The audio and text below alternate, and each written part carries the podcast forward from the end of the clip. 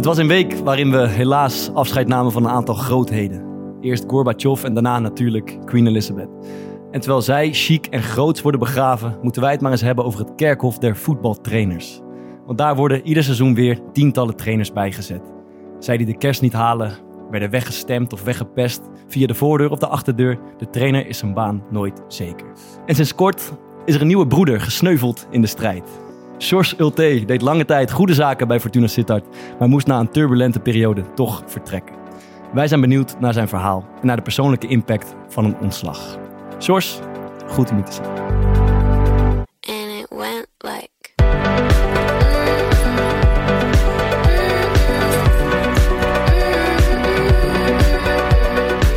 Je kan ook in, ja, dus in Rusland of in eh, Turkije. Heb jij dan niet het idee van ik ga eens een keer mee in verdiepen?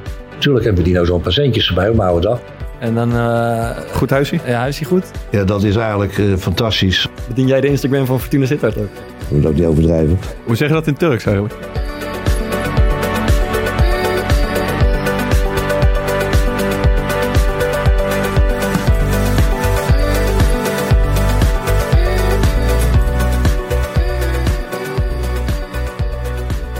Welkom. En eh, leuk dat je er bent. We nemen even op andere locatie op. In de skybox eh, bij Sparta. Tevreden jongens? Ik ruik het gras. Je ruikt het gras, hè? Heerlijk. Goed om terug te zijn hier. Lekker man. Ehm, ja, je bent natuurlijk jarenlang eh, dag in dag uit eh, trainer geweest, voetbaltrainer geweest. Eh, en nu ineens even niet. Hoe, hoe ziet de dag eh, er tegenwoordig uit?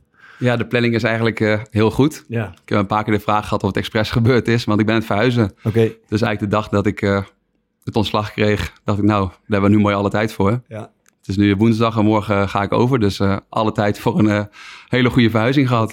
En je, zat, je woonde ergens in, in Brunsum, geloof ik, in eh, Limburg. Ja, ik heb wel Utrecht aangehouden, want Ja. ik vond het wel fijn om af en toe terug te gaan naar de andere kant van het land. Ja, maar deels ook in Brunsum, ja, want zeker als hoofdtrainer maak je gewoon lange dagen. ja, Dan is elke keer op en neer rijden voor mij niet te doen.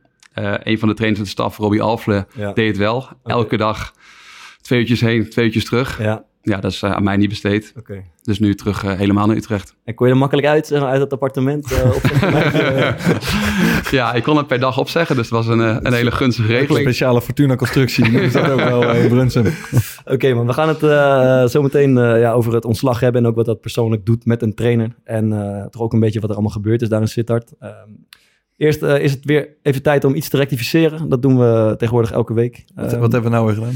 Ehm, Thomas heeft vorige week het verhaal, het schandalige verhaal verteld over zijn eh, kopstoot die hij van achter aan een, eh, aan een tegenstander gaf. En daar Stra- hebben wij... Strafbaar feit is dat eigenlijk. Daar hebben wij toch bij nader inzien misschien iets te mild op gereageerd. Eh, dat komt, ik kwam er eigenlijk op omdat iemand op YouTube eh, een treffende reactie neerzette. Eh, komt hij aan. Kopstoot van achter is gewoon mishandeling. Kunnen we lang en kort over praten, kunnen we overheen lullen. Maar het is gewoon zwaar over de grens. Eh, dat heb ik toch ook gezegd? Ja, maar Maarten, misschien dat wij ook wel iets harder Ja. mogen zijn. Maar ik heb, weet niet, als Thomas dat vertelt, dan vind ik het al heel snel grappig. ja. Zo, dat is natuurlijk eigenlijk gewoon, eh, het, het- het is een grof schandaal, ouwe. Ja. Ik zeg eerlijk. Ja, man. Ehm, ja, eh, Sjors, eh, wij kennen elkaar heel lang. Eh, dat is Even een, een jeugdherinnering die mij te binnen schoot. Is, ja, ik was jeugdspeler bij FC Utrecht. Eh, echt jong, 12, 13, 14 in de D1 zo'n beetje. En jij kwam binnen in die opleiding als techniektrainer. En eh, Utrecht was nog een beetje zo'n conservatieve school. Heel veel eh, oudere Bart wel een mislukt project. voelde hem al van mijlenver aankomen. Ehm, maar eh, wat, eh, ja, ik vond het gewoon grappig. Jij was, jij was ook heel jong. Ik denk dat je misschien twintig was of zo. Ja. En eh, ja, dat, je de hele, ja, het hele vernuftige, weet je, van die wielcurve-achtige oefeningen, maar dan op een hele vernuftige en grappige manier met positiespelletjes en techniekvormpjes en afwerkoefeningen en zo. En in de jeugdopleiding, dat begon een beetje, begon een beetje kinderlijk, vond ik, jeugdig. We deden spelletjes waarbij jij zei, wat, het is vandaag met afpaks of zonder afpaks. Je hebt het teruggelezen. ja. Ehm, maar ga, eh, ik weet wel dat alle jeugdspelers daar super enthousiast over waren. En eh, zo groeide jij voor mijn gevoel hoor, in ieder geval eerst een beetje bij de D'tjes en bij de E'tjes. En dan groeide jij langzaam eh, in een serieuze rol van techniektrainer van de C1 en de B1 en de A1 en het eerste uiteindelijk. Omdat het wel aansloeg, zeg maar, die, die training van jou, die compleet anders was dan wat we in de jeugdopleiding gewend waren. En ja, wij vonden dat als speler super leuke training op dinsdagmorgen. En ik, ik vroeg me eigenlijk af, later ben je hoofdtrainer geworden.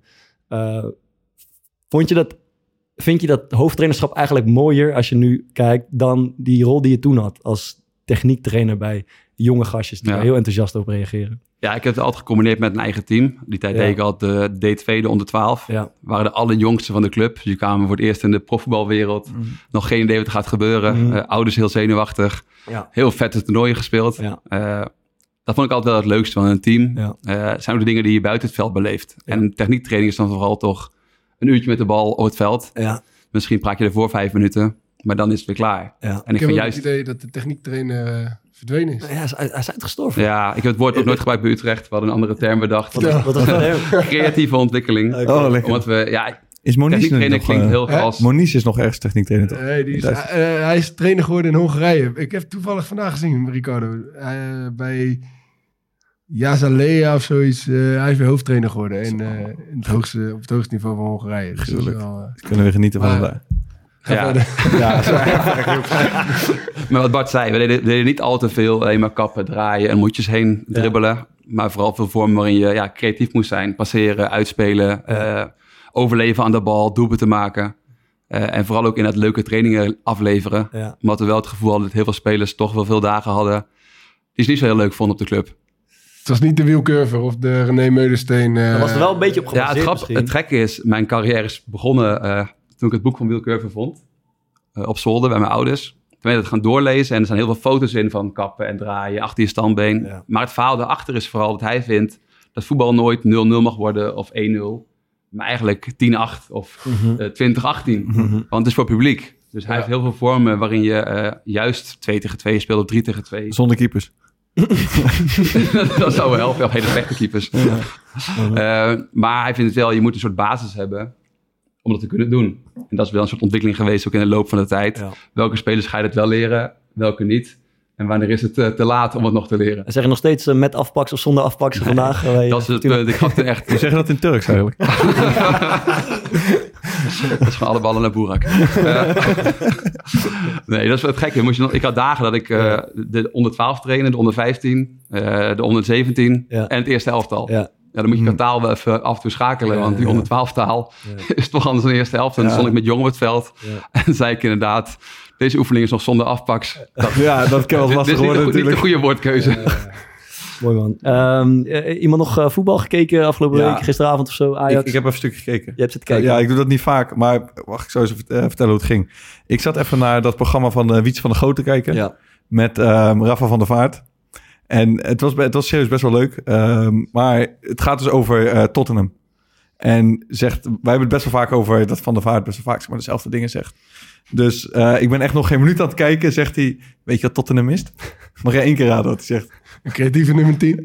Die steekbal kan geven. Dat is toch ongelooflijk. En, en daarna zei hij over, eh, dat, toen ging ik oprecht helemaal stuk. Hij zei over Eric Dyer, zei hij, die ziet eruit als een derde keeper. En daar heeft hij wel gelijk in. eh. Ja, een derde keepershoofd, zei hij. Ja. Ja, lijkt een beetje op jou. ja een beetje wel. Ja. Niet zo, hè.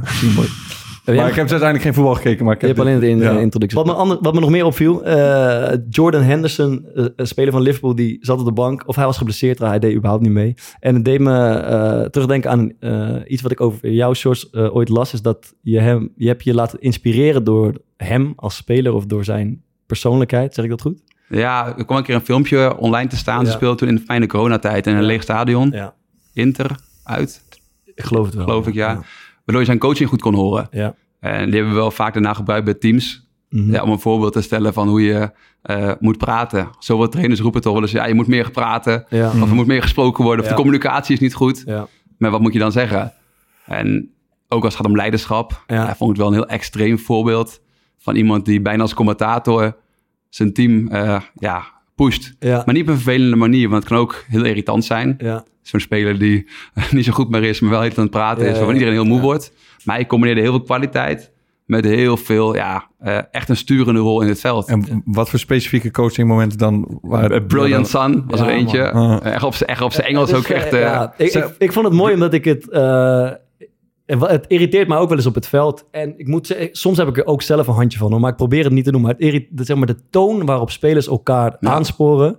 eh, kan mij ook mateloos storen. En dat zit hem in dat... Hey, kom op nou, boys. Ja. Wat is dit? Maar dat is altijd achteraf. Altijd. Toch? Ja, Ja, maar, eh, maar dus, dus, en ik denk dat het helemaal niet constructief is. En natuurlijk, ik ben ook wel eens gefrustreerd en dan eh, roep ik ook wel iets zoiets. Maar dat fragmentje van die Henderson, dat gaat echt over brilliant son, that's it, Ja. that's it. En hij blijft gewoon motiveren en stimuleren. Ja, je kan En je bijna ik niet voorstellen dat een medespeler negatief kan worden. Want hij is zo positief, Ja. maar ook met aanzien. Ja. Kijk, als- een derde keeper, wat je, zoals je net zei, dat Ja. gaat doen, denk je ook van ja, ga, ga eens rustig zitten. Ja, ja, ja. Maar als een van je belangrijkste spelers dit doet, Ja. zeker denk ik ook echt een norm voor je hele ploeg. Ja. En natuurlijk, hè, als iemand een eigen goal maakt, moet je niet zeggen goed gedaan. ja. Maar als het, Brilliant, ja. Eh, en ik, dat Wat, zelf wat voor dingen zei hij als het dan misging? Ja, daar ben ik ook wel benieuwd naar. Wordt, wordt hij negatief? Zeg maar soms? Of is Ja, dit gewoon een compilatie Volgens mij was van het gewoon een compilatie die dat- uit die wedstrijd. En ze speelden best wel goed die wedstrijd volgens mij. Dus. Ja. ja. Want ik, Ja, word, word- ik word helemaal krankjongen van eh, als mensen bijvoorbeeld boos worden als ze de bal niet krijgen. Ja. En dan op zo'n beetje zo'n wegwerpgebaar gaan maken. En een Mhm. beetje eisen gaan doen met, met hun lichaamshouding richting de tribune. Ja. En ehm, ik vind dat dat... Ik- nou ja, de, de, ik kan niet... eh Zeg dat je dat nooit gedaan. Nee, maar ik vind dat altijd een beetje een zwaktebod, man. Als je... Gewoon als iemand aan de bal zeg maar, een andere keus maakt... dat je daar dan heel verontwaardigd zeg maar, over gaat Ja, ik over vind het doen. meest irritant als mensen voor het publiek gebaren maken. Voordat als iemand dan, eh we hadden er eentje Jong Utrecht, die gaf wat een voorzet. ja. Ook stond er niemand voor de goal. En- probeer even te denken over wie het gaat. Ja, ga verder. En dan, ging dan gaan die met zijn handen omhoog staan. Ze van, jongens, waarom is er niemand? Ja, ja, ja. Zodat iedereen kon zien dat het niet aan hem Achim lag. Mendes. Jij doet het ook? Die, had- die, die kon dan, eh, die werkte wel echt hard hoor, maar die kon dan helemaal uit zijn stekker gaan aan een tegengoal. En dan ging die zo met zijn armen zwaaien en dan eindigde hij altijd recht met zijn gezicht richting de dugout. Om maar even te kijken. En dat keepers ook- hebben het ook vaak. Hè? Van de keepers die Ja. dan, als er een bal in gaat, naar de middenlijn sprint om iedereen uit te gaan schelden. Henk Timmer. die kwam wat zijn 16 Ja. bij bij de eerste beste kans tegen. Ik denk dat dat vooral heel vaak voor, ja, voor de buitenwereld is. Kort Smit ook daar. Hij zit er nu lekker in, maar elke keer als hij dan de kans tegen en dan pakt hij nog aan zijn shirt trekken en heel boos kijken. lekker man. hè. En ik vind ook, daarom ik het filmpje ook mooi. Als Ja. trainer vind ik ook dat je daar... eh, ik geloof heel erg in leiderschap do- door je, hoe je bent. Ja. Leading by example. Ja. En als je als trainer alleen maar aan het zeiken bent, alleen maar aan het klagen bent, Ja. alleen maar doen wat fout gaat, Ja. ja, dan gaan je spelers het overnemen. Ja. En nou wordt de trainer dan vaak boos dat de spelers Ja. te negatief zijn. Denk, Ja. ja. als jij alleen maar zo bezig bent, ja. Heb Zo'n trainer je kennen we ook nog wel, denk ik. Wat? Zo'n trainer kennen we ook nog wel. Maar eh, weet je welke ik naam en rugnummer. Weet je welke ik het mooist vind? Is, eh, en die zie je vooral vaak bij amateurs, zeg maar. Als iemand de bal ingespeeld krijgt en hij heeft niet gekeken. En dat hij hem dan verliest en dat hij dan boos wordt omdat hij niet gecoacht gecoacht. wordt. Ja, ja. mooiste. Je hebt zelf gewoon niet gekeken. Als je wel gecoacht wordt, luister je waarschijnlijk ook niet. Ja. Eh, Maar, eh, Heb ja. je wel eens... ehm, eh, heb je vaker gewerkt met van die motivatievideo's? mm, niet heel vaak. Ik heb natuurlijk eh, Lijkt me altijd heel dun ijs waar je op Ja, dat man. is vooral, ja. We hebben vorig jaar een keer een, een spreker gehad. Die werd toen via iemand eh, boven de club. Die had wel een hele goede spreker. En die man kwam binnen, die zei, ja, ik heb geen voorbereiding gedaan. Heb ik niet nodig, doe het heel vaak. En die ging zitten. Na drie minuten was hij echt wel klaar met praten. Oh. Na zes minuten begon Verrips gewoon maar in zijn handen te klappen. Toen ging iedereen meeklappen. Plus één van was het Verrips, klaar. eh, Dus ja, we- ja, het was dag voor een wedstrijd. Ja, dat was wel Oh, mooi. het begon weer rips te klappen toen die man nog aan het woord was? Of Nou, toen hij even weer in een moeilijke stilte viel. toen begon Michael heel hard te klappen. En de rest dacht, oh goed idee, laat ook gaan klappen. Het was klaar. Het was klaar. Maar wa- wat was de strekking van het verhaal? Eh, dat zijn oom, of zijn- de broer van zijn oom en dan de neef daarvan, had ook een keer voetbal gespeeld. En daarom moesten wij ons best gaan doen. Ah, netjes. Zoiets. Ja, het ging. Het was een, pas een, profiel, een voormalig profielrenner, geloof ik. Ze hadden allemaal verhalen verwacht over bergetappes en over ja, Gaan ze. hele mentale races. Maar hij kwam er niet heel lekker uit. Ja, en toen eh, dacht ik, ja, morgen hebben we PSV uit. Moet nog een, een nieuwe speech bedenken voor morgen. Want dit zal hem niet gaan doen, denk ik. Maar achteraf gezien had het ook wel weer een soort eenheid gecreëerd. Iedereen vond het zo grappig. Ja, ja, oké. oké. Dat we wel lachend weggingen. Maar verder, nou ja, misschien drie, vier keer per jaar. Ik heb één keer die video Vind ik nog gebruikt best veel, man, eigenlijk. ehm, ze is overleden. Die Paralympische... eh, Ja, Bibian Mental. ja, Hm. daar heb ik een keer een stukje van laten zien. Maar dat is ook niet zozeer een motivatievideo, maar meer Inspiratie. inspiratie. Daar geloof ik meer in. Ik doe bijna ook altijd dan de dag voor de wedstrijd. Ik hou altijd bespreking de dag van tevoren. Mm. Ik vind wedstrijddag is voor spelers. Zeg je niks op een wedstrijddag? Niks eh Een beetje, groep? beetje dom schreeuwen. Een beetje zo, ah, kom op boys, kom op, kom op. En, uh, scherp, focus. De wij eerste minuut. Ja, maar, Ja, dat, dat, kla- ja, klappen erop. Nee, maar geen informatie meer. Nee, ik vind Je informatie komt niet, je komt niet met de iPad binnenlopen nog vijf keer. Nee, ik, heb, nee, dat, nee, ik vind dat De hele zenuwachtige trainers, toch? Die de hele tijd naar binnen en naar buiten. Maar dan is het juist als je dan zaterdag traint, als je zondag speelt bijvoorbeeld, zaterdag trainen, lunchen, bespreking en dan die afsluiting. Daarmee ga je wel naar huis toe. Mm. En het kan een vet plaatje zijn, een quote zijn, het kan een foto zijn, Ja. eh, maar soms ook zo'n vet filmpje Maar dan meer om een soort van moed te hebben waarmee je naar huis gaat. Ja, ja, ja. Waardoor je eigenlijk nu al denkt van, fuck, ik wil nu al spelen. Dan even iets waar, eh, waar eh, ik zelf ook wel eens tegenaan ben gelopen. Ik zat, we zaten ons een beetje voor te bereiden. Eh, dan ga je ook interviews met jou lezen. En bij één interview van de correspondent eh, zaten er ook foto's bij. maar lekker dus, lekker dus, ja. Beste foto, de beste Ik foto. heb daar, toch, ik heb er denk ik vij- 15 keer naar gekeken. Eh, ik zal het even uitleggen. Je hebt, je hebt er wat vragen bij. ja, ik heb, ik heb er ernstig gevraagd. Echt veel van geleerd. Jij zit daar, dus jij laat je dus vastleggen met een, ja, ik denk dat het een soort doelnet is, wat helemaal Ja. om jou heen gewikkeld is, tot het topje van je gezicht, dus alleen de bovenkant en je kruin komt er overuit. Zit je helemaal onder de touwen. Dat is de eerste foto. En de tweede foto is eh, ja, alsof je in een soort ballenbak ligt van de Ikea, maar dan met allemaal voetballen. Dus je Ja. hebt hier een soort foto van jouw gezicht, alleen er zijn 84 voetballen omheen. Ja. En toen dacht ik, vond je dat Kan- zelf een goed idee? eh, om dit te- heb, je, heb je die andere niet gezien? Nee, er is er nog een Er nog eentje onder een, onder een kunstgrasmat. Er komen, er komen alleen mijn voeten onder de mat uit. Ik moet, ik moet, dat bedacht? Ja, kijk, dat is dus wat je moet leren als trainer. ja. Ik had een leuk interview gehad met eh, Michiel de Hoog. Belde een fotograaf en we langskomen. En die had allemaal ideeën. En dan ben je dan best wel bleu, want dat is een van mijn eerste grote interviews. Dus dan denk je, ja, oké, ja. Ik zeg, ik zeg maar gewoon ja. En ik, Ik doe aan alles mee. ik dus, ga niet tegenin, want zij zal er wel verstand van hebben. En, Ja. en zag ik die foto. en dacht ik, die, die gaat nog heel vaak terugkomen. Ja, ik, Dus dan leer je wel om af en toe te zeggen, ja, dit is leuk bedacht, maar die, die gaan we niet doen hoor. ik heb één keer gehad met, eh, met Rick Kruis. Had ik speelde ik bij Sparta, Rick bij Excelsior. En toen hadden we tegelijk interviews. Vragen we eigenlijk niet waarom over Sparta en Excelsior. Toen moesten we ook samen op de foto bij de Maas. Toen zei die fotograaf op een gegeven moment ook van ja, spring even in de lucht. Zo- dat je zo'n... eh, ja. dat hebben we niet gedaan. Hebben we niet gedaan. Dus jij had toen al het idee van dit ga, dit ga ik Ik niet heb wel- doen. Ja, ik weet niet of ik het was. maar zou, zou was het in niet. Ik heb een geweldige foto wel- van jou trouwens met eh, dat je voor een van die elektrische deelscooters eh, bij Excelsior Ja, dat een mooi fotootje. Ja, ja. Ja, man. Ik, eh, ja. Ja. ik, ik heb natuurlijk zelf ook uiteraard schuldig aan gemaakt. Deze is al voorbij gekomen. Ik heb me ooit een keer... eh, een fotograaf had een idee om mijn hobby's vast te leggen. Toen heb ik met een, met een kwast in mijn hand naast een schilderij laten afbeelden. op een fietsje met je gitaar op het op een balkon. fiets je. en met een boekje ergens op de bank. ik heb ook een keer met Job van der Linden, dan moesten wij de strijders van Eagles eh, voorstellen. Moesten we heel hard, heel dicht bij elkaar tegen elkaar gaan schreeuwen. Ja, dat is ook goed maar- en eigenlijk op het moment dat die foto wordt genomen, weet je al van kut, dit gaat rond en dit gaat. Eh, en ik, ik bedacht me, we staan hier aan zo'n soort houten tafel. Eh Marnix Kolder, die is bij ons in de kleedkamer heel vaak rondgegaan. Die heeft een keer naakt op zo'n tafel gelegen. Met, en dan met zo'n hand zo onder zijn, onder zijn kin. Wie verzint dat, ik man? heb geen idee, maar hij heeft eraan meegedaan. Ja, maar zo'n fotograaf wil ook iets leuks bedenken. Ja. En dat vond ik, ik werkte bij Twente. Zij Ja. kwam van mij uit Utrecht. Ik zit drie uur in de auto. Ja. Dat is allemaal leuke ideeën. Laat maar, mee, laat, ik meewerken. het, maar ik snap het waar. vanaf nu... eh, Spijt van? nee, dat niet. Maar ik zou die nog een keer doen. Allemaal leermomenten. Ehm, ja, dan eh, er komt af en toe eens een, een Ja. verhaaltje eh, binnen van onze luisteraars. Dat mag overigens nog steeds, hè, als je een keer een voetballer ergens eh, in het echt bent tegengekomen. Ja, er komen nog een hoop verhaaltjes binnen. Ook nog een hele hoop zonder clue. Z- zonder clue, ja. Ja. ja. klopt. Dat is net te weinig. Ja, maar ik heb er nu weer eentje gevonden. Die gaat over Louis van Gaal. Over ontmoeting met Louis van Gaal. Ik moet even kijken van wie die is. Het is van Niels van den Bos. Mhm.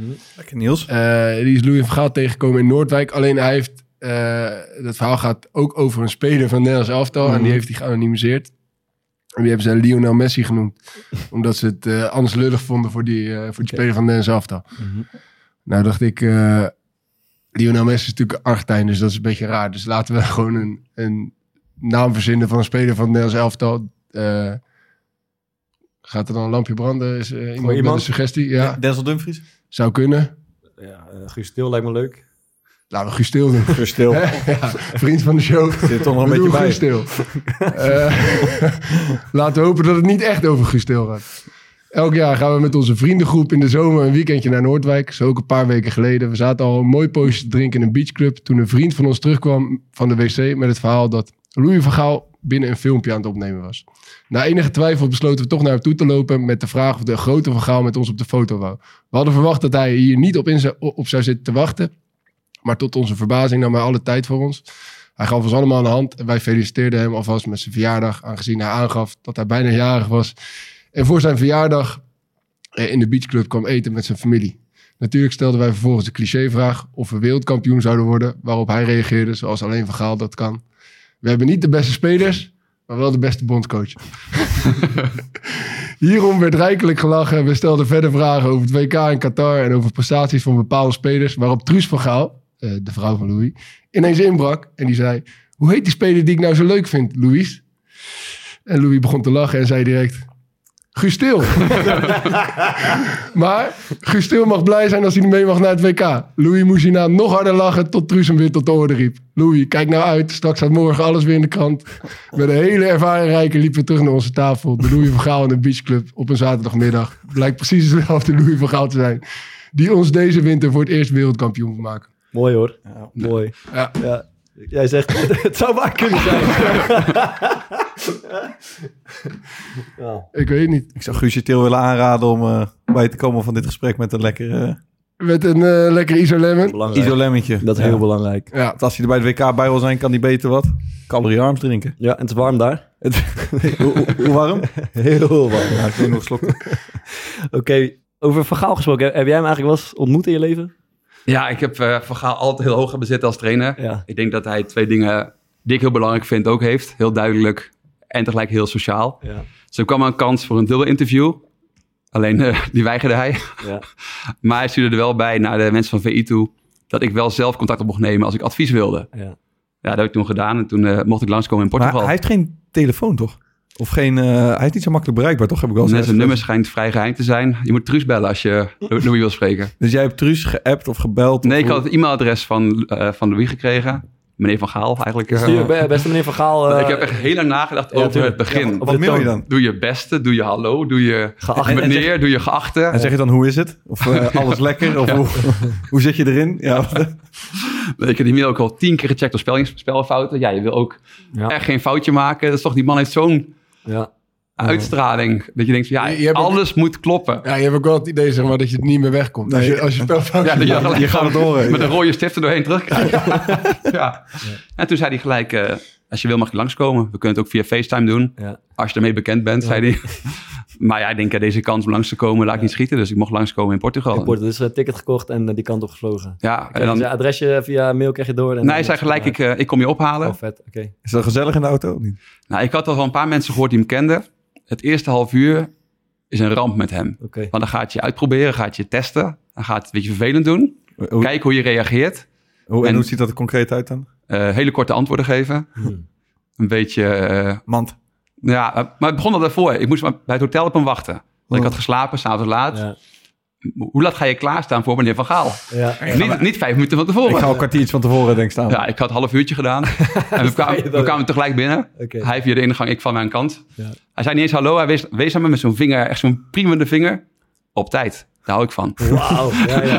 dat, dat, dat, dat was het begin. Dat was het begin. zeg. En dan kom je bij zijn huis. eh, mooi, mooi huis. Je had dus je half uur voor de afgesproken tijd afgesproken en dat vindt hij op tijd. Nou, hij, hij komt, ik heb zijn boeken allemaal gelezen en ik, ik moet er echt perfect voorbereid heen gaan. Dus Ja. ik heb die week ervoor zeven boeken gelezen. Nou, op tijd komen was wel een belangrijke kernwaarde, had ik, had ik het idee. Ja. Dus hij vond dat eh, mooi op tijd. Oké, oké. Ja, en toen eh, samen met Truus in de auto. Ja, Truus heel warm, heel gezellig, heel veel vragen stellen. ja. En Louis kwam gelukkig bij het huis ook eh, helemaal los. En ja, geweldige dag gehad. En dan... eh, Goed huisje? ja, huis is goed?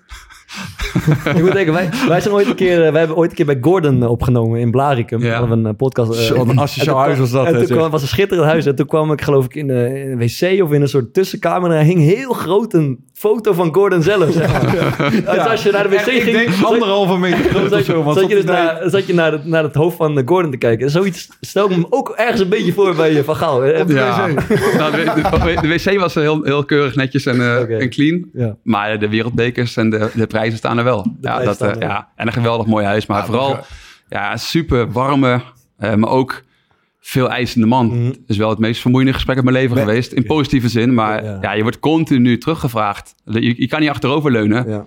Hij zei ook, mensen komen hierheen en die gaan dan zitten en denken, Van Gaal vertelt wel. Ja. Nou, mooi niet. Oh, ja. Dus je moet echt, Maar- jij moet vragen stellen, je krijg je een vraag terug en dan pas komt het antwoord. Mhm. Want eh jouw kennende heb je waarschijnlijk heel veel vragen voorbereid voordat je erheen ging. Ja. Hoe, hoe, hoeveel had je er? Of hoe, heb je echt een... Heb je dat in je notities? Nee, of heb ik je dacht gewoon- namelijk als notities ga doen, ik zit met mijn telefoon te kijken. Ja, Ja. Ja, ben net de journalist ook. ik ga ze echt uitschrijven. Mhm. Dan kan, kan die ook zien. Misschien een beetje kinderachtig, maar kan die ook zien dat ik me echt heel erg voorbereid heb. Ja. Want zo'n notitie op je telefoon, ja, misschien ben je wel aan het appen.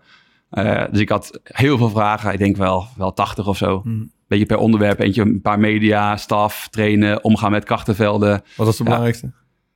Ja, het belangrijkste heeft hij continu geantwoord als ik iets vroeg. Het allerbelangrijkste vertel ik je aan het einde. En dat zei hij elke keer weer. Ja.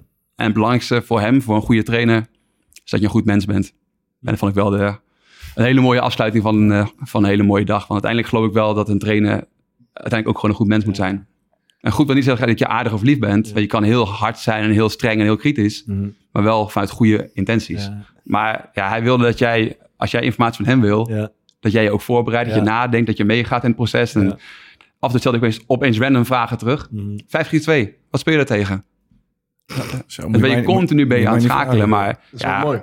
ja, super mooi gesprek. Ja. En ja, het meest leerzame en meest bijzondere gesprek wat ik eh, heb gehad. Maar het was denk ik een uurtje of acht. Na die acht uur was ik ook helemaal Dat, kapot. ah, dat duurde acht uur, dat gesprek. bent uur- ook blijven ja, eten en alles. Ja, we zijn uit eten geweest. Ah, vet. Dus dat, dat is een belevenis met hem, uit eten gaan. Ja? Hij wil voor het... eh, Tikje gestuurd of niet? nee, hij wil per se betalen. Maar het mooie was, eh, hij was dan ook bijna jarig. was dik jaar geleden. Zo'n jaar voor de verjaardag waar jij ook vertelde. Zat hij in een beachclub met Guus Stil? Nee, het was in, eh, het was in Portugal.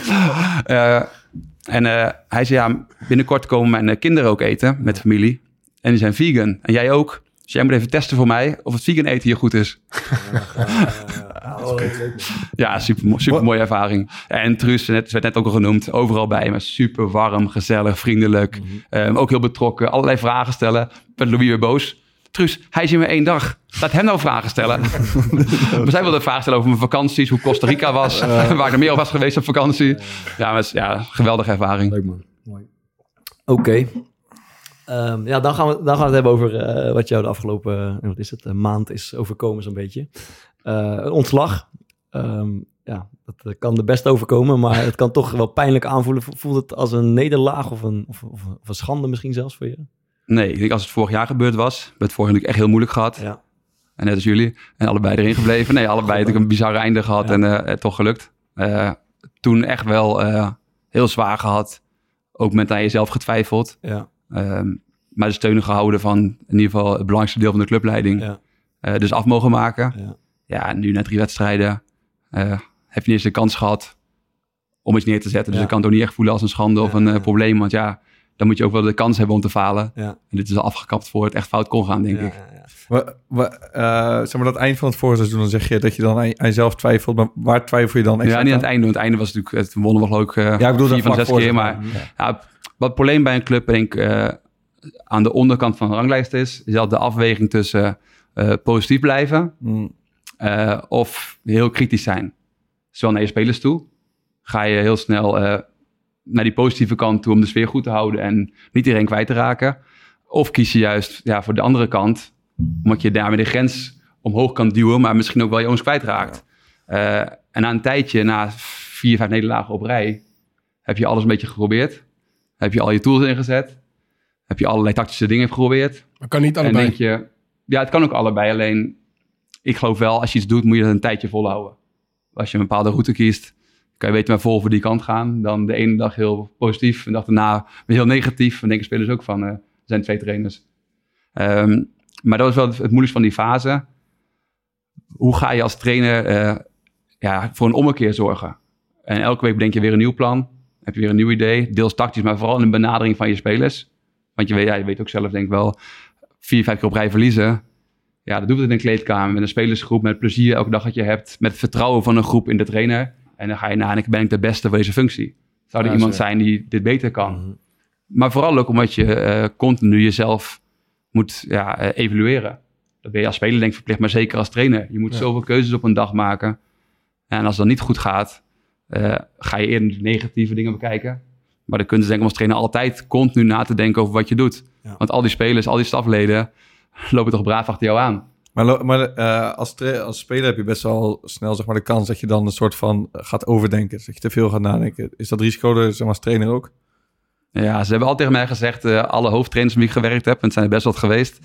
eh, pas als je hoofdtrainer bent, dan voel je wel het is om hoofdtrainer te zijn. Hoe zwaar het echt is. Want het denken stopt nooit. Als hoofdtrainer denk je altijd. Of je nou aan het eten bent, zelfs als je in de bioscoop zit, ben je de film aan het kijken.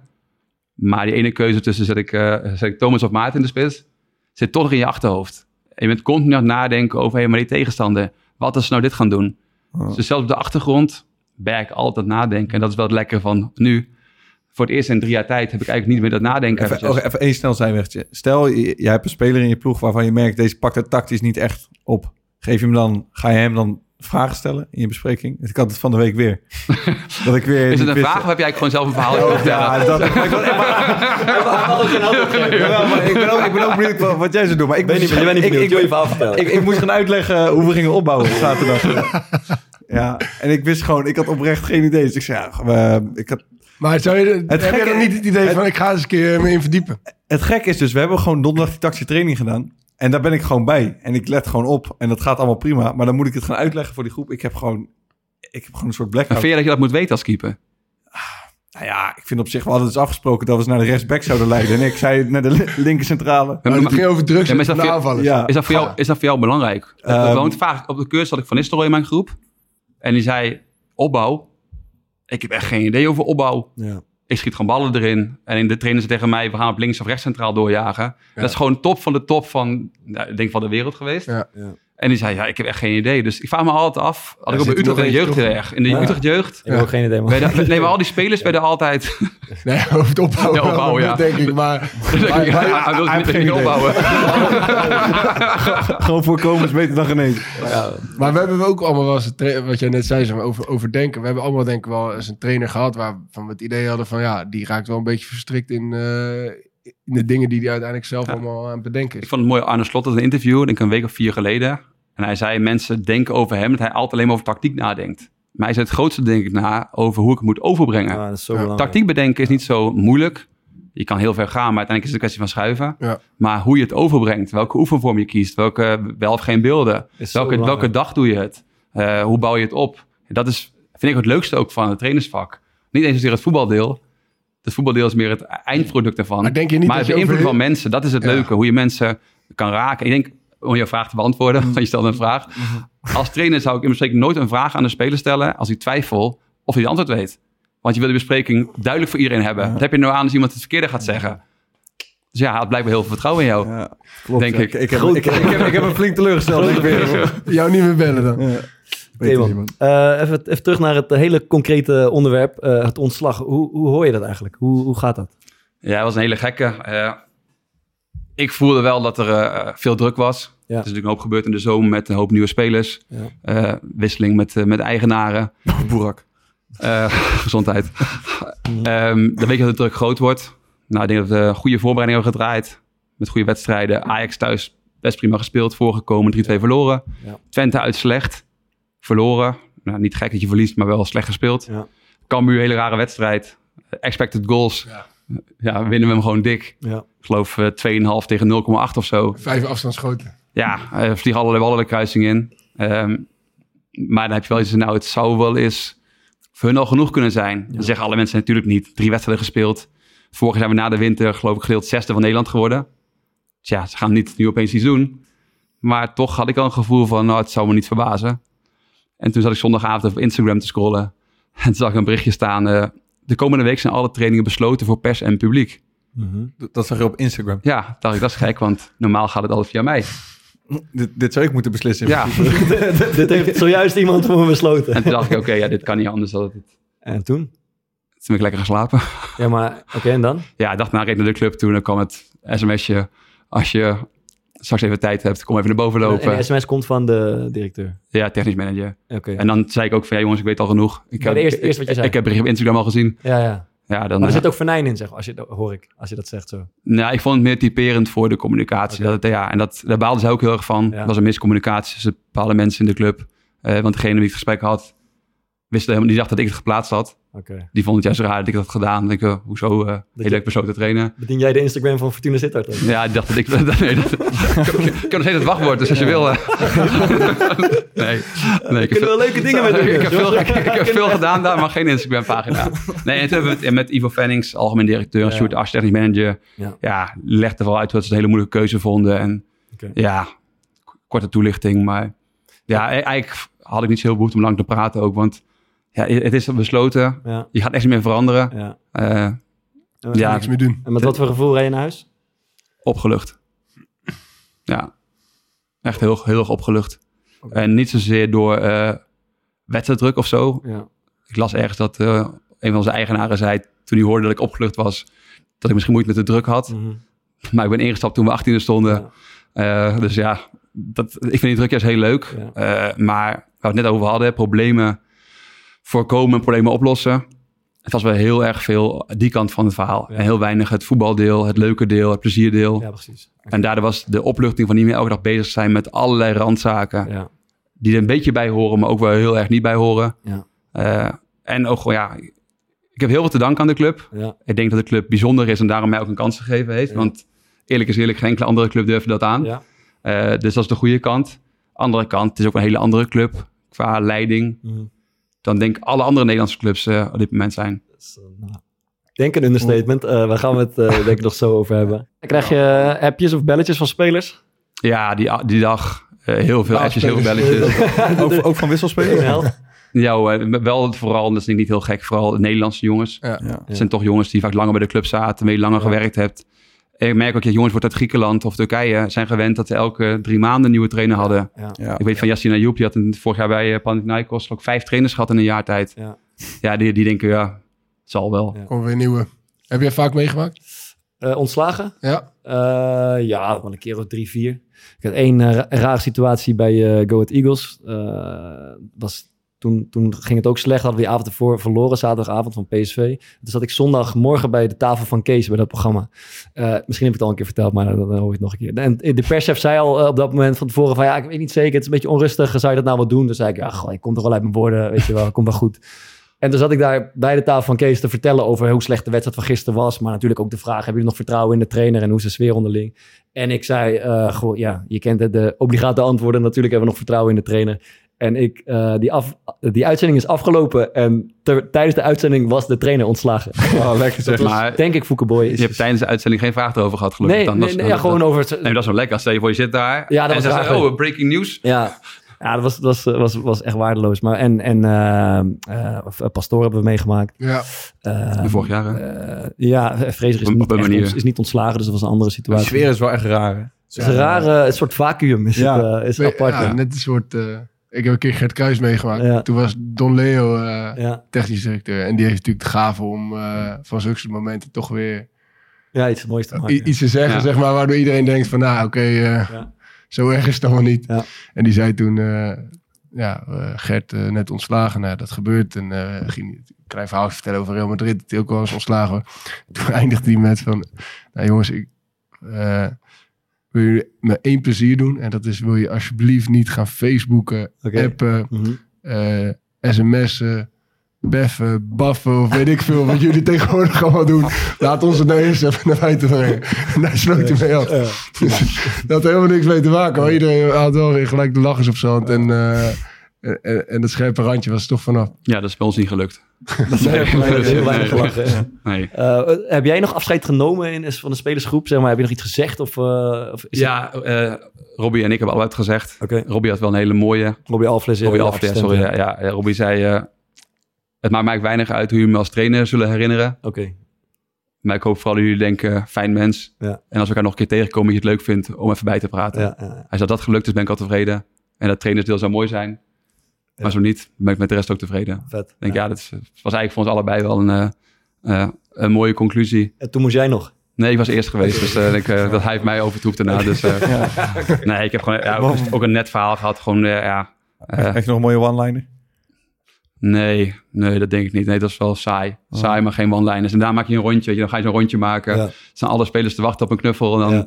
de laatste is eindelijk dan aan de beurt. Uh-huh.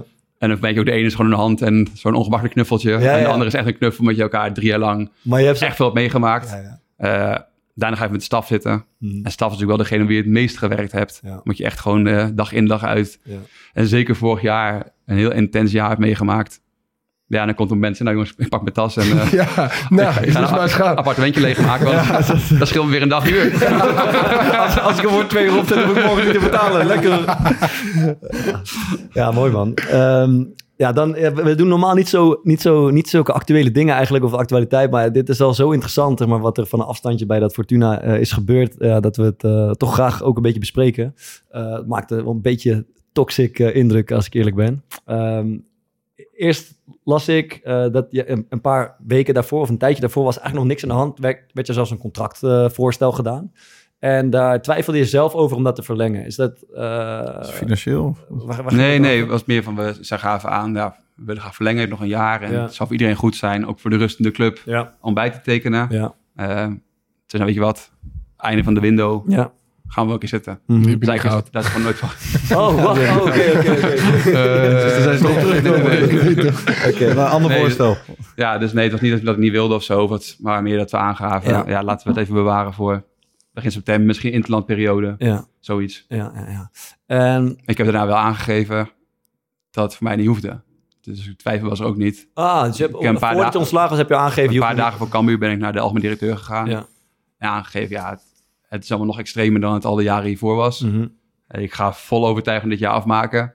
eh, voor mezelf en voor de club. Ja, Maar het gesprek over verlengen hoeven we niet te voeren. Want na, na dan al die jaren Fortuna, ja, heb ik vier jaar gehad. Ja. ja, dan is het wel mooi geweest een tijd voor een volgende stap. ja, ja, ja. Dat is eh, drie dagen voor mijn slag geweest, dat oh, gesprek. Oh, wauw. En dan, ja, een cruciaal moment is de entree van de Turkse sterspeler uh, Burak Yilmaz. Uh, heb je daar überhaupt uh, een rol in gespeeld, zijn komst? Heb je nog, Nee. ges- heb je nog gescout of zo ergens?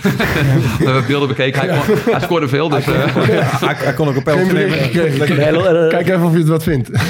eh, gekkigheid. Maar eh, eh, simpele vraag, wat, wat is dat voor, eh, voor man? Ja, eh, terug op je eerste deel. Ja. We hebben van tevoren afspraak gemaakt. Ja. Spelersbeleid totaal niet bij de trainer. Opstelling en tactiek volledig bij mij. Oké. En dat wil ik van tevoren dan gewoon duidelijk afspreken. Dat is moeilijk, want ik geloof er wel in als trainer moet je meepraten over transfers. Maar dat komt duidelijk gewoon niet. Ja. Eh, nul invloed in het spelersbe, eh ja, dus, ja, bijna niet. Oké, ja. We konden af en toe een speler aandragen. Ja. Ja, ja punt eigenlijk. Oké, Oké, dat is interessant. Maar de opstelling zelf, daar was Opstelling, tactiek, wat allemaal dat, dat, ja. En weet je, daar wordt van de media ook heel groots over gedaan. Eh, ik denk dat elke technisch directeur, of misschien algemeen directeur met een trainer praat over tactiek en over opstellingen en suggesties doet. Ja, Maar dat is prima. Er is een verschil tussen eh, opleggen ja, ja oké. en opleggen nee. Mhm. Eh, adviseren, meepraten, meedenken wel. Alleen, dan vind ik het weer moeilijk als je nooit een training kijkt Mhm. Ja. en de hele voorbereiding mist. Ja. Ja, wat kan je dan zeggen over de opstelling? Ja, ja. En dan kom je wel moeilijke discussies terecht natuurlijk, want ja, Dus jouw technisch manager adviseert jou, terwijl jij eigenlijk het voor hebt, hij kan niet echt een oordeel verder, want hij heeft te weinig gezien. Ja, bijvoorbeeld. Of, Ja. of, of de clublijn erboven misschien nog. Ja. Maar ja, weet je, wat heeft de groep nodig? Als je trainingen ziet, dan zie je ook de cultuur op het trainingsveld. Ja. Eh, ik ben het boek aan het lezen nu van Pijn Leinders over Liverpool. Over hun aanvoerders. De drie aanvoerders daar die aan alle kanten vertegenwoordigen wat ze elke dag willen zien. Mhm. Dat een trainer bij wijze van spreken gewoon weg kan lopen en zij de boel wel leiden. Ja, Ja, ja. zulke dingen moet je zien denk ik op een trainingsveld. Mhm. Moet je in de kleedkamer af en toe langslopen, moet je voelen. En ik kan niet voor mijn gevoel niet van buitenaf. Ja. Van- En dat is een verschil van inzicht. Niet Ja. per se goed of fout. Ja. Maar dat maakt er wel dat de keuze tussen bijvoorbeeld Boerak Yilmaz wel niet meepraten Ja, helemaal niet nee. was. Het is gewoon een mededeling. Ja. Eh, we zijn met hem bezig. Ze houden je wel op de hoogte dan van ja, het gaat de goede kant op. En toen was ik op vakantie. Ik lag daar aan, aan het strand bij de Dode Zee ergens in Jordanië. En toen eh, had ik weer wifi. Ik zei tegen de vriendin, nou, het wordt- het een druk avond dit, want eh, ik denk dat er veel telefoon gaat komen. Ja, en toen was hij binnen, maar toen had hij een lange vakantie gekregen van de eigenaar. Ja. Hij kreeg drie weken lange vakantie. Ja.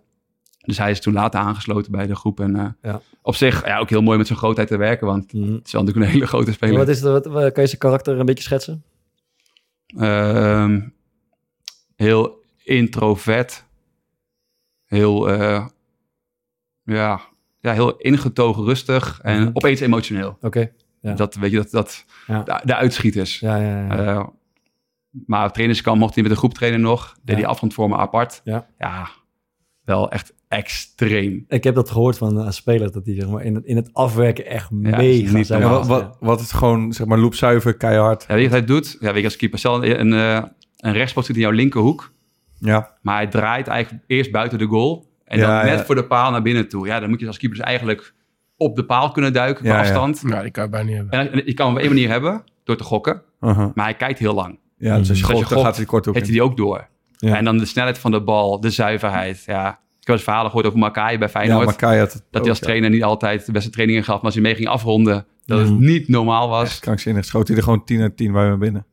Als het uh, winkel haakje in de bovenhoek. Ja, dat afronden was, was werelds. En ik moet ook zeggen, ook in gesprekken vond ik hem heel, nou, heel prettig. Veel meedenken. Ja. Ja. ja, absoluut niet vervelend. En Maar ver- veranderde er wel iets binnen, de, binnen het team eh, met zijn komst? Ja, zeker. En wat dan? Ja, dat weten jullie ook. Als er een grote speler binnenkomt, verandert de hiërarchie sowieso. Ja. Eh, mensen worden onrustig. Mensen eh, gaan een plekje lager, misschien op de ladder komen te staan. Mhm. Eh, sommige mensen durven niks te zeggen tegen zo iemand. Ander juist wel. ja. En hoe, hoe- En mensen gaan kijken hoe wij als trainers met hem omgaan. Ja. Weet dat training 2 hadden we een ruzie met hem over buitenspel. Ja. Hij boos, wij boos. Ja. En dan zie iedereen kijken, oh, wat gaat er nu gebeuren? Ja. Ja. en hoe, hoe ziet dat? Is dat gewoon backvechten? Is dat... Ja, gewoon wat schreeuwen. Ja. Maar goed, dat is ook iets.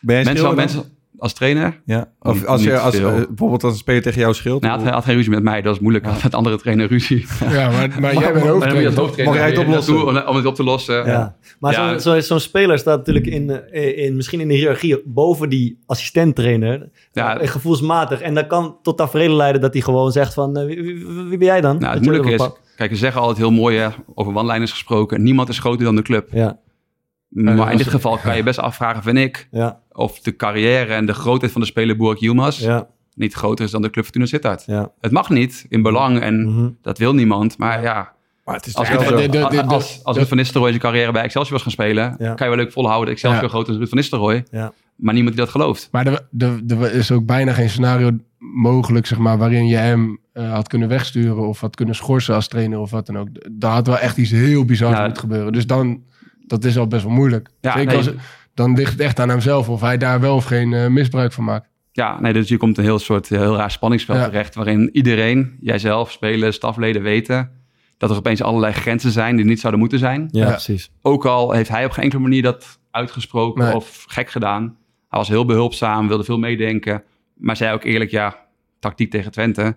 Ik ken Twente helemaal niet, dus ja, ik eh, wacht wel af wat jullie gaan Ja. zeggen.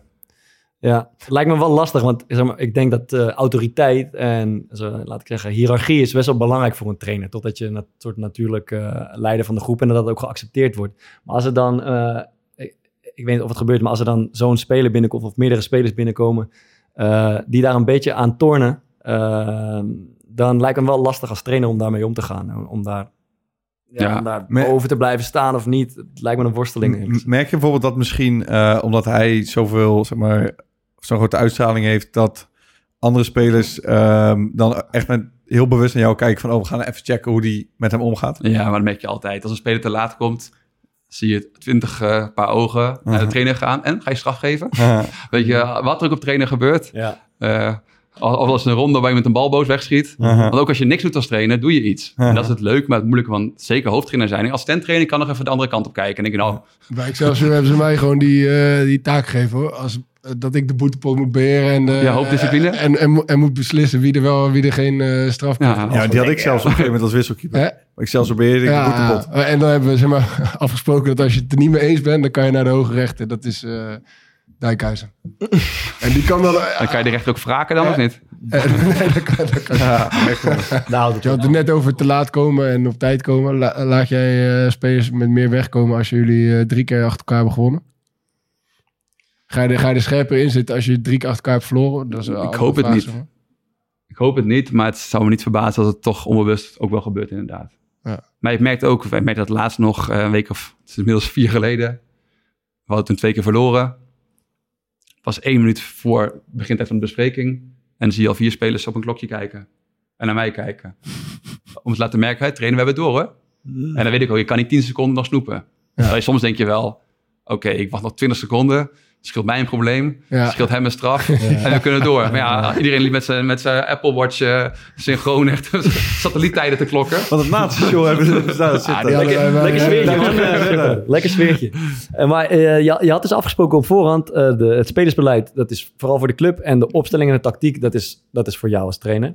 Eh, maar er kwamen ook berichten naar buiten dat er, dat er een andere keeper moest spelen. En dat er een andere middenvelder opgesteld zou moeten worden. Is, is dat, klopt daar iets van? Of, eh, Ja, dat is, dat is dus het grijze lijntje tussen moeten en een eh, advies. Of een advies en een dwingend advies. Ja. Eh, Hoe klinkt het dwingend advies? Dat klinkt wel een beetje hetzelfde als moeten. ja, dat bedoel ik, ja. Ja. Maar uiteindelijk, en dat heb ik mezelf altijd voorgenomen, eh, wil ik op mijn eigen manier Ja. ten onder gaan. Ik denk aan trainen. Ik ben vroeg begonnen. Dus ik gewoon een paar keer ontslagen worden. Ja. Eh, ja, dat weet je. Ja. En dat verdient ook goed. Eh, Ja, ik kan zeggen, je zit super, je zit super ontspannen hier. Maar dat is omdat je, op die, je zit op die zak geld al de hele dag. Zeker als je iedere dag je uur op kan zeggen. Ja. nee, maar ik heb wel voorgenomen om het op mijn manier te doen. Ja, En dan moet je niet te eigenwijs worden, want Ja. jouw manier mag niet een blinde route zijn waarin je nooit naar iemand luistert. ja, Maar je weet gewoon, ja, uiteindelijk het zal altijd een keer ook fout gaan. ja. Heb je bijvoorbeeld in die laatste weken voor je ontslag... eh, bijvoorbeeld van mensen boven, boven, bovenaf gehad... dat ze in plaats van een normaal advies van... Hey, de- denk eens aan die keeper of denk eens aan die... dat ze zeiden van... Hey, luister dan, je moet gewoon die gozer opstellen. En dat je dan Nee, niet, nee, geen moed. Alleen, en dat hoort een beetje bij hoe vaak je verliest, Ja. hoe dwingende adviezen worden vaak. Ja, En dat is ook niet heel gek.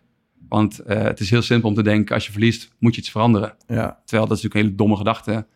Want één op één kan je het niet koppelen. Uh-huh. Want soms, ja, neem Cambuur die wedstrijd. Als je die honderd keer speelt, win je misschien 80 keer op die manier. ja, ja. Eh, maar dat is het verschil tussen eh, hoe ik voetbal beleef, hoe wij voetbal beleven en hoe mensen uit een andere cultuur voetbal beleven. Hoe, en hoe ver de emotie en de ratio het van elkaar gaan winnen. Dus het advies werd steeds dwingender, eh, maar nooit op een manier van het moet eh, en je moet nu dit doen of je moet Ja. nu dat doen. Maar ik, hoorde, niet. dus ik hoor dat je er gewoon voor gekozen hebt eh, om je eigen koers te varen. Eh, je, je kiest gewoon voor de keeper die je wil opstellen en voor de middenvelder die je wil opstellen. Heb je het gevoel dat je dat nog kwalijk is genomen na afloop? Eh, naar de nederlaag is me kwalijk genomen. Ja. En dat komt dus bij als je dan verliest. Ja. Dan wordt de conclusie daaraan verbonden van ja, en niet geluisterd Ja, en je verliest. Dat zie je wel. Ja, terwijl als je inderdaad luistert en je verliest, dan verlies je met hun, op hun manier. Ja. En dus, maar dus denk ik, ja, het vervelende vind ik altijd als je het gesprek voert nu, wordt het heel snel een Turks gesprek. Terwijl Wat bedoel je het nou? staat los van, ja, mensen heel snel, de, Turkse clubleiding, de Ah, Turkse leiding, de Turken, de Turken. Terwijl eigenlijk gaat het niet zozeer of het nou Turken zijn of Grieken of Rotterdammers. Mhm. Het gaat gewoon om mensen die een bepaalde manier tegen voetbal aankijken. Ik op een bepaalde manier tegen trainerschap aankijk, tegen leidinggeven aankijk. Ja, en daar werden de verschillen steeds groter in.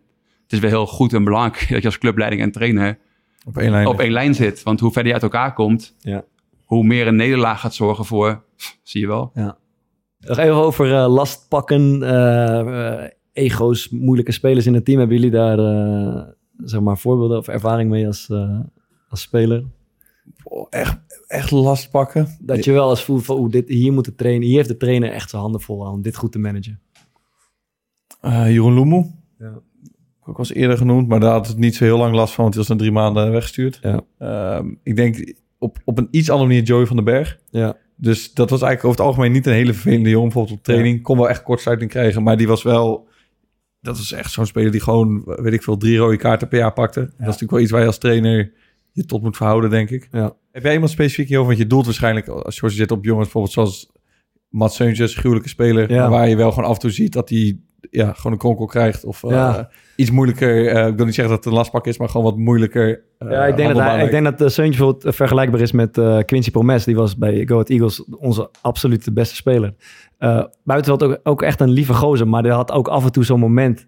ehm, ja, dit is ook in die documentaire. Een, een, een vechtpartij, echt een ordinaire vechtpartij. Vijf minuten voor de aftrap van de belangrijkste wedstrijd van het seizoen. En dan gaan we toch, de trainer was Ten Hag, gaan we toch naar Ten Hag kijken van... Ja. Uh, wat gaan we hiermee Ga je optreden of uh, wat ga je ermee doen? Ik kan me andere momenten herinneren op het trainingsveld dat Quincy echt kwaad was dat hij te weinig ballen kreeg aangespeeld en dat hij gewoon heel zeg maar opzienaat ballen aan het wegknallen was. Gewoon Ja. niks meer doen, kwaad, Ja. weet je wel. Het draait allemaal om hem. Maar hij was absoluut de beste speler. En ik kan me wel herinneren dat ik dacht, dat ik dacht van Ten Hag van uh, ehm, dit is wel een moment van uh, dit, is, dit, dit verziekt zeg maar alles. Ja. Moet je niet ingrijpen. En hij, hij greep niet in eigenlijk, maar hij loste het op zijn manier op door het gewoon, ja, door hem even bij zich te roepen of even in zijn kamer te roepen. En ik, ik weet dus niet wat daar is besproken of wat dan ook. En daarna was het op zich wel geregeld. Uh, dus dat, ja, dat zijn wel van die momenten dat het me lastig lijkt als trainer van, oké, dit zijn, dit soms, deze gasten zijn kruidvaten soms. Hè. Dit, kan, dit is echt all over the Ja. place. En, en Maar je hebt ze ook soms nodig. ook, weet je, Ja, wat- eh, maar je hebt ze ook keihard Het zijn nodig. vaak de gasten die in moeilijke wedstrijden opstaan. Ja. Omdat ze zoveel scheid aan alles hebben. Ja. Scheid aan de training, scheid aan de trainer, Ja. aan de groep, aan alles. Maar ook aan een tegenstander, ook Ja, aan een volle exact, arena. Exact, Dus ja. je weet dat je ze keihard nodig hebt. Ja. Maar, Maar, eh, daarom is Mats ook mijn aanvoerder geweest. ja. Omdat ik Mats eh, sowieso een fantastische speler vind. Hij het heel goed bedoelt. Ja. Eh, inderdaad ook wel de kronkel heeft. ja. Eh, maar altijd als het moest, eh, eerst opstond. Alleen ja, als dan niet ging hoe hij wilde, Ja. een uur lang, dan kon hij ook wel eens eh, Ja. weer gaan zitten. Zeg maar. zitten, Ja, Ja. Je hebt als trainer toch wel vaak het idee van ja, ik moet nu ook naar de rest Ja, van de precies. groep een soort van statement maken. Ja. Maar, maar dat deed hij dus niet. Ik vond van niet, nee. En het, lijkt me, het voelt namelijk ook een beetje als de makkelijke weg, zeg maar. We laten het gebeuren en op het moment dat we even samen zijn, dan praten we het uit. Maar het is volgens mij veel enger voor een trainer. En eh, ik zou het ook moeilijk vinden om op dat moment op te staan ten overstaande van de hele groep en een, en een statement, een, een treffend statement te maken. Ja, ja het moeilijke vind ik ook helemaal. Dat is wel ook een lastige afweging voor op trainingen. Ja. Ik heb besloten trainen is in heel veel landen normaal, in Nederland niet. En ik vind het heel leuk als het publiek komt kijken, kinderen komen kijken. Ja, ook dat nog, ja. Maar als je dan een keertje eh, gaat schreeuwen tegen een speler, Ja. het staat gelijk op Twitter, overal, Ja. iedereen heeft het erover. Ja. Dat je ook weet, ja, de onrust die ik creëer door nu boos te worden, Ja, dat snap ik ook wel, ja. is zo groot. Ja. Ehm, ja, wij sluiten altijd af met eh, eh, aanraders. Maar- Tip- tipjes van de week. Ja. Ik weet niet of het jullie ook is opgevallen. Ik vind dat die vader weer zo verdomd goed Oh uitziet ja, dat is waar. Ja, tuurlijk man. Ik, ik Je ziet er weer helemaal uitgerust uit. Ja, ik, fris. Fre frisse indruk. Man. Ja, ik Ja. heb tijd over tegenwoordig. Dat Ja, weet jullie toch? Wat, wat, je ziet je Wat nog steeds aan HelloFresh. Hello Fresh, ja zeker, zeker. Eh, Er er werd weer een mooie eh, box besteld en ik alles klaarmaken. En eh, ja, voor die kinderen en voor... eh, speciaal voor mensen, zeg maar, die kinderen hebben en eh, allebei werken. Dus de ouders waarvan de Ik heb je er gewoon nog nooit zo goed. Je ziet het aan die gozer. Je hè? ziet het aan die Elke gozer. week een beetje eh, fresher. Ja, ik heb net ook nog wel even een dutje gedaan van 10 minuten. Dat ik lekker. Omdat je na, Omdat ik tijd over tijd had. over had, ja. narcolept. Zeker. hebben, we nog, wel- hebben we nog wat weg te geven? Volgens Ja. mij kortings... eh, Voor nieuwe klanten kan je wel 75 euro korting krijgen. Lekker man. eh, op je eerste vier boxen met Ja. de code Hello Corpot 75. Even opletten, Corpot met een D op het eind. Dat is een amateuristisch eh, misverstandje. Ja, sorry. we blijven amateurs. We blijven amateurs. Goed man. Maar toch, Fai ziet er eh, Eh, ja, uitgerust uit. Bedankt, Fok. eh, en dan nu eh, de aanraders van de week. George, ik ben benieuwd. Eh, John Wooden, is Mhm. een Amerikaanse basketbalcoach. Eh, ik heb het boekje gekregen als tip van Pepijn Leinders toen we in Amerika trainen aan het geven waren. Ja, fantastisch boekje over ehm, het leiderschap. Het gaat niet over, over basketbal, het gaat echt puur over de trainer als leider. En dan vooral het menselijke deel. Hij heeft heel veel boeken geschreven. Dit is A Lifetime of Observations on and off the court. Als je die van lezen houdt, hij heeft ook een TED-talk. Die is een kwartier, geloof ik. Mhm. Dan zie je echt een oude man Ja. eh, die heel enthousiast vertelt. Hij is een, over echt gelovig. Dus daar moet je een beetje omheen lezen als je dat niet bent. Ja. Eh, maar ik vind het niet storend. Dus of het boekje, eh, of zijn TED-talk. Pas ik heel erg bij hoe ik geloof dat ik een trainer moet zijn. Oké. Dus eh, dat is de aanrader. Mooi. Ja, ik eh, had een paar weken geleden natuurlijk best wel lachen gedaan over eh, eh, Miguel Arteta met dat... eh, met Echt die een gruwelijke serie hoor. Met, met, met, die, Hoorde met, die- met Echt die een vette speech, serie. Ja, met die speech van die fotograaf, toch? Daar hadden we het even over. Van ja, hoe kan je dat nou doen als, als je zelf voetballer bent geweest? En, eh, en ik vond ook dat You Never Walk Alone... eh, dus ja, ik, een beetje gechargeerd vond ik het een beetje een clown. Maar toen ben ik op aanraden van de assistenttrainer van Excelsior, Ruben eh, Den L... eh, die, die heeft me eigenlijk bij mijn oor gepakt en zegt... nou, ga deze aflevering maar eens even kijken. En eh, ik ben er toch voor gevallen. Ik vind het echt... eh, het is een serie op Prime. Het heet All or Nothing. Het gaat over Arsenal, zeg maar. eh, ik denk vorig seizoen voor de, Ja. eh, voor, voor de winter. Met tot, ze tot, de zomer door helemaal. Ja, ja de- ik, ik ben nog niet helemaal klaar. Mag nooit even jullie. Maar, maar, maar het, is, het is echt een vette coach. En hij, hij, die serie laat gewoon best wel mooi zien hoe hij voor bepaalde dingen staat. En hoe hij die eh, in, in de groep probeert te krijgen. Hoe die communiceert met, eh, met, met zijn technisch manager. En, eh, Hoe ze op één lijn zitten samen. Heel Ja, lekker ja. hoe ze samen dingen doen. ja, dat, Het kan dus wel. Nee, maar de- het is een mooie serie. Dus eh, om het ook, een, ook om het een beetje goed te maken richting eh Mikel Arteta. Hij was boos. Hij zat Zal ermee. Hij zat ermee, ja. Zat in de mailbox, ja man. Nee, maar het is een vet serie. All or Nothing op Prime. Mooi, mooi. Ik ben eh, naar de bioscoop geweest. Een eh, mooie film gezien. Where the Crawdads Sing. Eh, gaat over een... Wat? Wat is er nou Ik weer? ben altijd zo het genieten van die roer van jou, die Engelse roer. Die kan ik niet zeggen. Where, Ik kan het where? gewoon in Nederlands zeggen. Het is van het boek toch? Ja. Waar de, waar de, rivier, waar de rivier te zingen. ja, maar het was wel een Engelse film, zeg maar. Oeh, Where? Where the Crawdads Sing. Ik kan dat niet, man. Ik heb zo'n Hoe hele heb je dikke dat in Dallas gedaan? Ja, dat ging heel moeilijk. Dat ging, gewoon met eh, veel gebarentaal. Heb je het ook geoefend vanmiddag? Want je wist dat je dit ging zeggen, zeg maar. Heb je het ook geoefend, zeg maar, die uitspraak? Ik zou je zeggen, ik, had, ehm, ik, eh, ik, ik, ik was op kantoor in gesprek met een, ehm, eh, met een collega. En die zei ineens tegen mij, zei, heel, heel serieus, ehm, ik hoop dat niet dat je persoonlijk oppakt. Ja. Maar ik heb vroeger veel problemen gehad met mijn spraak. En ik, ik- wacht, wacht, wacht, wacht. En ik zei, en ik merk dat jij aan het eind van je zin, dat Ja. je heel veel moeite moet doen soms om woorden eruit te krijgen. Ehm, dus eh, die heeft me een eh, logopedist aangeraden. Lekker man. ja, dus dacht ik, nou, dat kan ik jullie niet onthouden. Maar met een logopedist. ja, maar ik zag dus wel eens van die eh, op, op, YouTube bij ons, dan zie ik zo die, die nekader van mezelf zo helemaal dik worden. ik zet ook heel veel kracht op zo'n tijd te praten, denk ik. En hij slaat er wel eens over ook. Ja, houd jij je bek. Lekker zitten. Ja, was mooi. Was mooi. Leuke tweet. Maar een mooie film. Hele mooie film. Where the, where the Crawdads Sing. Oké, oké, oké. Maar het gaat over een... eh, Ja, ik moet ook nog even zeggen waar die over gaat. Over, over een meisje die in een, eh, in een moeras woont met de familie. Eh, hele eh, gewelddadige jeugd. Blijft dan uiteindelijk vertrekt. eh, de hele familie blijft er in een eentje wonen. Vindt liefde, verliest liefde, vindt liefde weer. Ja. Prachtig film. Mooi boek ook. Oké, eh, ik heb een eh, documentaire gekeken, El Caso Figo. Stoer. Eh, ja, nu gaan we terugpakken. Hè, Sikkel. Dat is zeker aangeraden gegeven iemand. Ja, ik kreeg hem aangeraden, ja. Ehm, het gaat over Luis Figo. De transfer die hij maakte van, eh, van Barcelona naar Real Madrid. Een van de meest eh, ja, vervelende transfers van de afgelopen decennia, denk ik. Varkenskop. Varkenskop, ja. Ja. Ja, ehm, en het, ik vond het geen geweldig documentaire, maar het wel heel interessant om een keer te zien, zeg maar, in die hoge regionen, als er zoveel geld en politiek mee gemoeid is, ja, hoe weinig een speler eigenlijk te zeggen kan hebben over de transfer die hij maakt. Omdat het gewoon een spel is tussen presidenten die zeg maar, met beloftes komen en zaakwaarnemers die toch erg, ergens zo 3 miljoen kunnen afsnoepen en hem eigenlijk onder zoveel druk kunnen zetten ja, dat hij zo'n transfer maakt. En je hoeft niet geen medelijden te hebben met Figo, maar het is wel een interessant inkijkje in hoe, dat, hoe die situatie is gelopen. En hij is, het leven is hem zuur gemaakt na- daarna als Judas en, en Varkenskop. En hij is voor alles uitgemaakt toen hij weer terugkwam in Barcelona, omdat hij ze had verraden.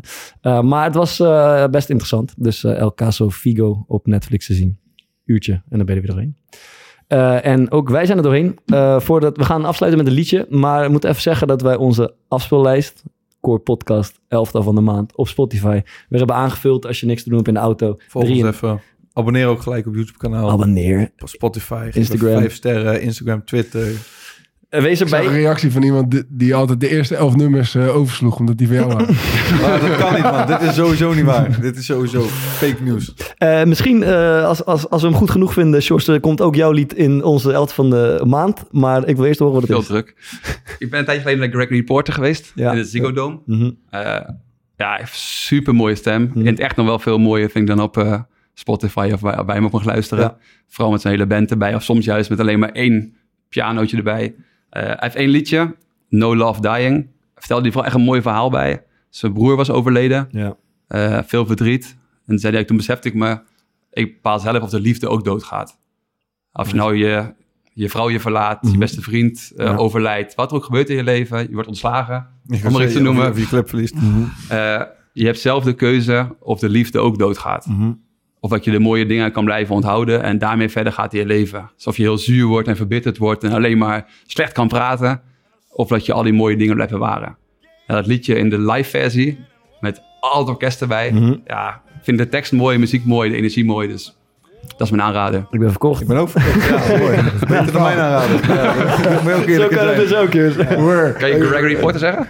Gregory Porter. Tabé.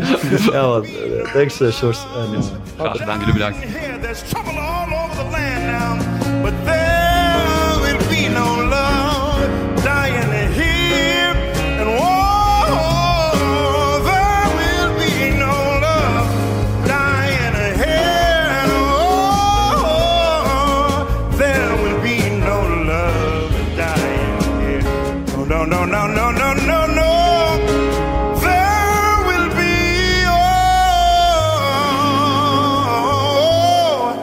like an old man standing on the top of the hill, declaring to all of the land, there will be, there will be, there